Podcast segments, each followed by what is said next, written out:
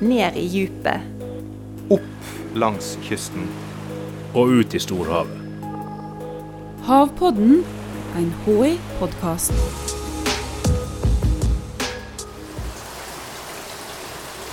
Velkommen inn i hummerlabbet.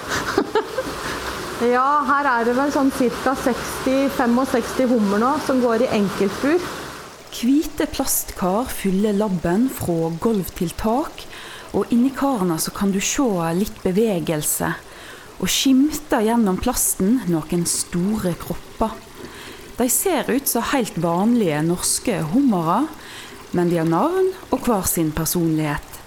Ja, Donald han fikk navnet sitt lenge før Trumpen ble president. Det må vi bare si. Og han har alltid, merkelig nok, han har alltid vært den lyseste av de alle. Skikkelig blek i fargen. Eh, tidligere han er det fortsatt.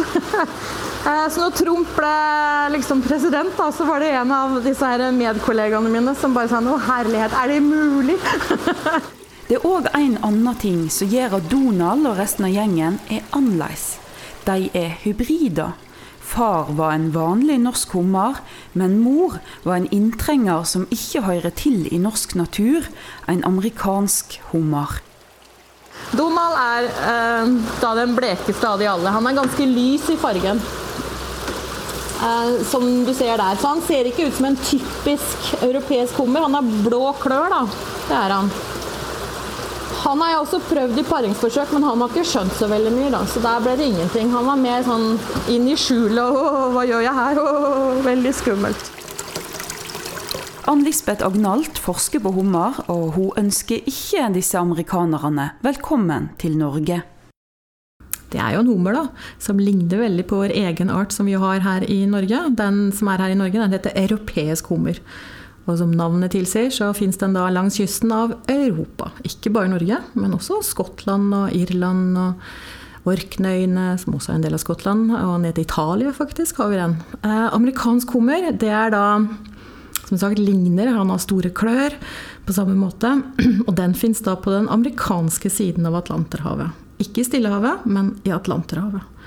Eh, og en gang i tiden, når de bestemte seg for å liksom ha navn på disse artene, da, så visste man kanskje ikke at de var genetisk forskjellige. Men de fikk navnene sine rett og slett fordi at de var på hver sin side. Så latinske navnet på amerikansk hummer er da americanus. Homarus americanus. Før visste en ikke om at de kanskje var genetisk forskjellige, men hva vet vi i dag? I dag vet vi at det er faktisk en god del markører som skiller dem 100 Så vi vet at de er litt ulike slag, eh, europeeren og amerikaneren. Men likevel så finner dere amerikanere av og til her i Norge. Hvordan, hvordan har de kommet seg hit? Ja, Det er vi mennesker, da. vet du. Det er vi drar dem over. Og enten så har vi kanskje trodd at fordi at amerikansk hummer og europeisk hummer er som veldig mange andre skalldyr. Vi spiser dem, eller vi, vi, vi, vi får dem levende, og så lager vi, tilbereder vi maten sjøl, enten hjemme i huset eller på restauranten. Så det har vært veldig mye import av levende amerikansk hummer til Europa, og inkludert Norge. Og så har man kanskje da trodd at den amerikanske hummeren var død, og så har man kastet den ut i sjøen, og så har den ikke vært det. Har, eller at man har hatt mye sånne oppsamlingsteiner i sjøen for å liksom holde dem levende til man skal faktisk spise dem. Og så har de kanskje rømt. Jeg har litt vanskelig å tro at man har transportert og satt den ut i sjøen med viten og vilje, men ok, det har vært noen tilfeller. men Majoriteten har nok vært an tilfeldigheter. Men de kommer ikke svømmende over Atlanterhavet sjøl. Det har de ikke gjort. Det er litt for langt. Og larvene, kunne de egentlig drifte over her? Altså, når liksom egg klekkes, så blir de små larver, og de går gjennom tre sånne stadier før de blir en minihummer. Og det skjer i løpet av to-tre uker på temperaturer på sånn 17-18-19 grader. Så nei. Det er oss mennesker som har tatt den over. I dag er det forbudt å importere levende amerikansk hummer til Norge, men de fins jo allerede ute i våre farvann. Så da er spørsmålet er det egentlig et problem at amerikaner og europeer møtes? Ja, Når det gjelder liksom fremmede arter, så er vi veldig bekymra for sykdom og overføring av sykdom. Så hva vet vi om amerikansk hummer når det gjelder sykdom? Vi vet at han kan ha en bakterie, en blod, altså bakterie i blodbanesystemet som slår seg ut i noe som heter gaffkemi. Eh, og før i tiden, når man tok inn amerikansk hummer i disse her hummerparkene, for det har vi også i Norge, men også i Skottland har de det, da, og hvis de var syke, så kunne de spre eh, liksom denne sykdommen til europeisk hummer du hadde i samme anlegget, og alle døde. Men ikke amerikaneren, for de overlever faktisk. Så det er liksom én sykdom. Et annet sykdomsbilde er en skallsykdom, som er bakterie, en ansamling av bakterier som spiser opp skallet til hummeren, som gjør at han blir supermyk, og til slutt så dør han, rett og slett. Og det heter altså noe vanskelig som episotic shell disease. Etter det, shell disease er engelsk for skallsykdom, da. Men det er det er forskjellige former for skallsykdom, men dette er én type som borti USA har ødelagt fiskeriet ganske heftig.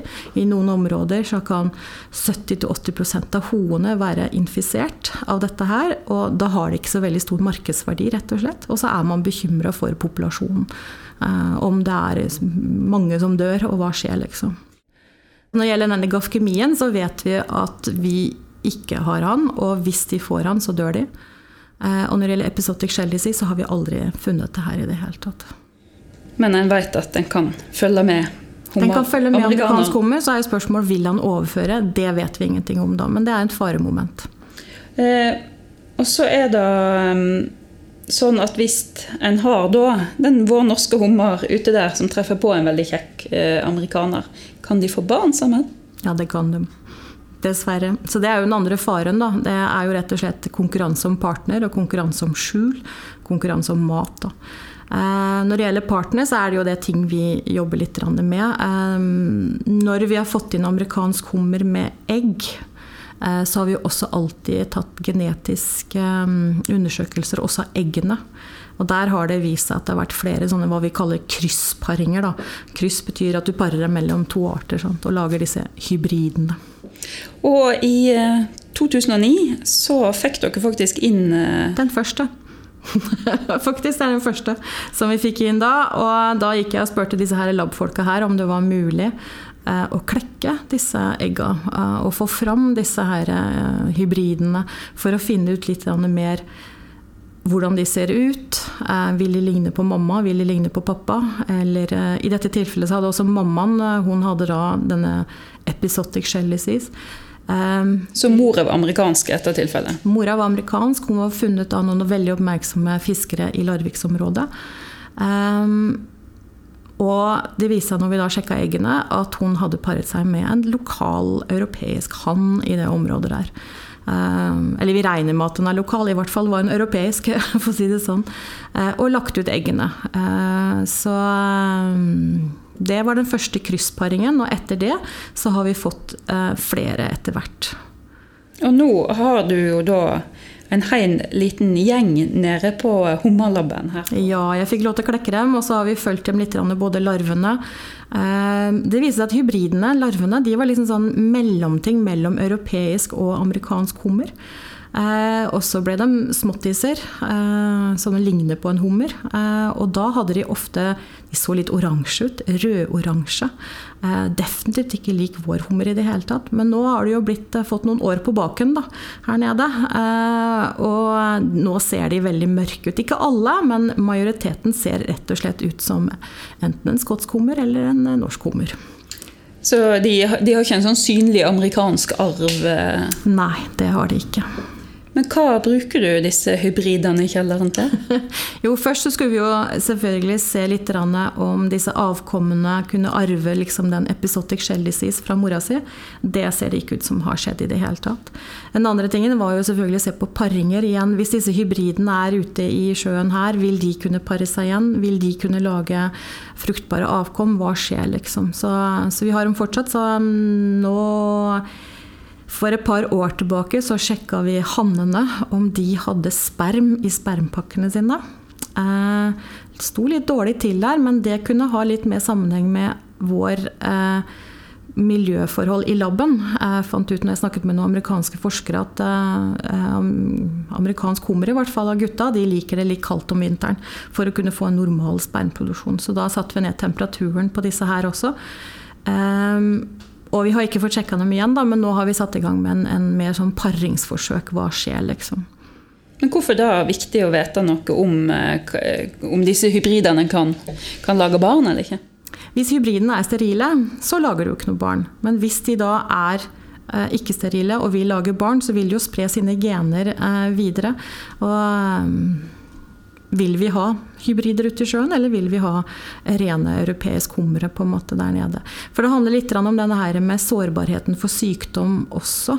Vi vil jo ikke ta inn sykdom som vil utradere vår allerede sårbare bestand. I dag har vi jo et forbud mot import.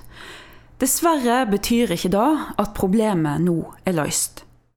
Spørsmålet er hvor mye amerikansk hummer er ute i sjøen, hvor mange hybrider er der ute. Eh, det vi fikk en, I dette forbudstiden så fikk vi inn en stor amerikansk hoe eh, på, nede litt nord for Haugesundsområdet der. Eh, I juni. Hun var jo da daudsjuk av denne episotic shell disease, så vi måtte terminere henne. Men vi fikk jo sjekka rester av egg hun hadde, og hun hadde også hatt kryssparing. Så spørsmålet er, Hun var såpass stor, så hun hadde sikkert mellom 35 000 til 40 000 egg. Har alle de larvene klekka i det området der? Er det hybrider? Hvor mange av dem har overlevd? Um, hun hadde episotic shell disease. Uh, hvor mye har hun vært uh, i nærheten av andre europeiske hummere? Klarer de å smitte? Det er masse spørsmål vi ikke vet, så uh, vi må fortsatt være litt årvåkne. Havpodden er en podkast fra Havforskningsinstituttet. Jeg heter Stine Hommedal og jobber her. Teknisk produksjon og lyddesign var det Febril Film som sto for. Og du, du hører snart igjen.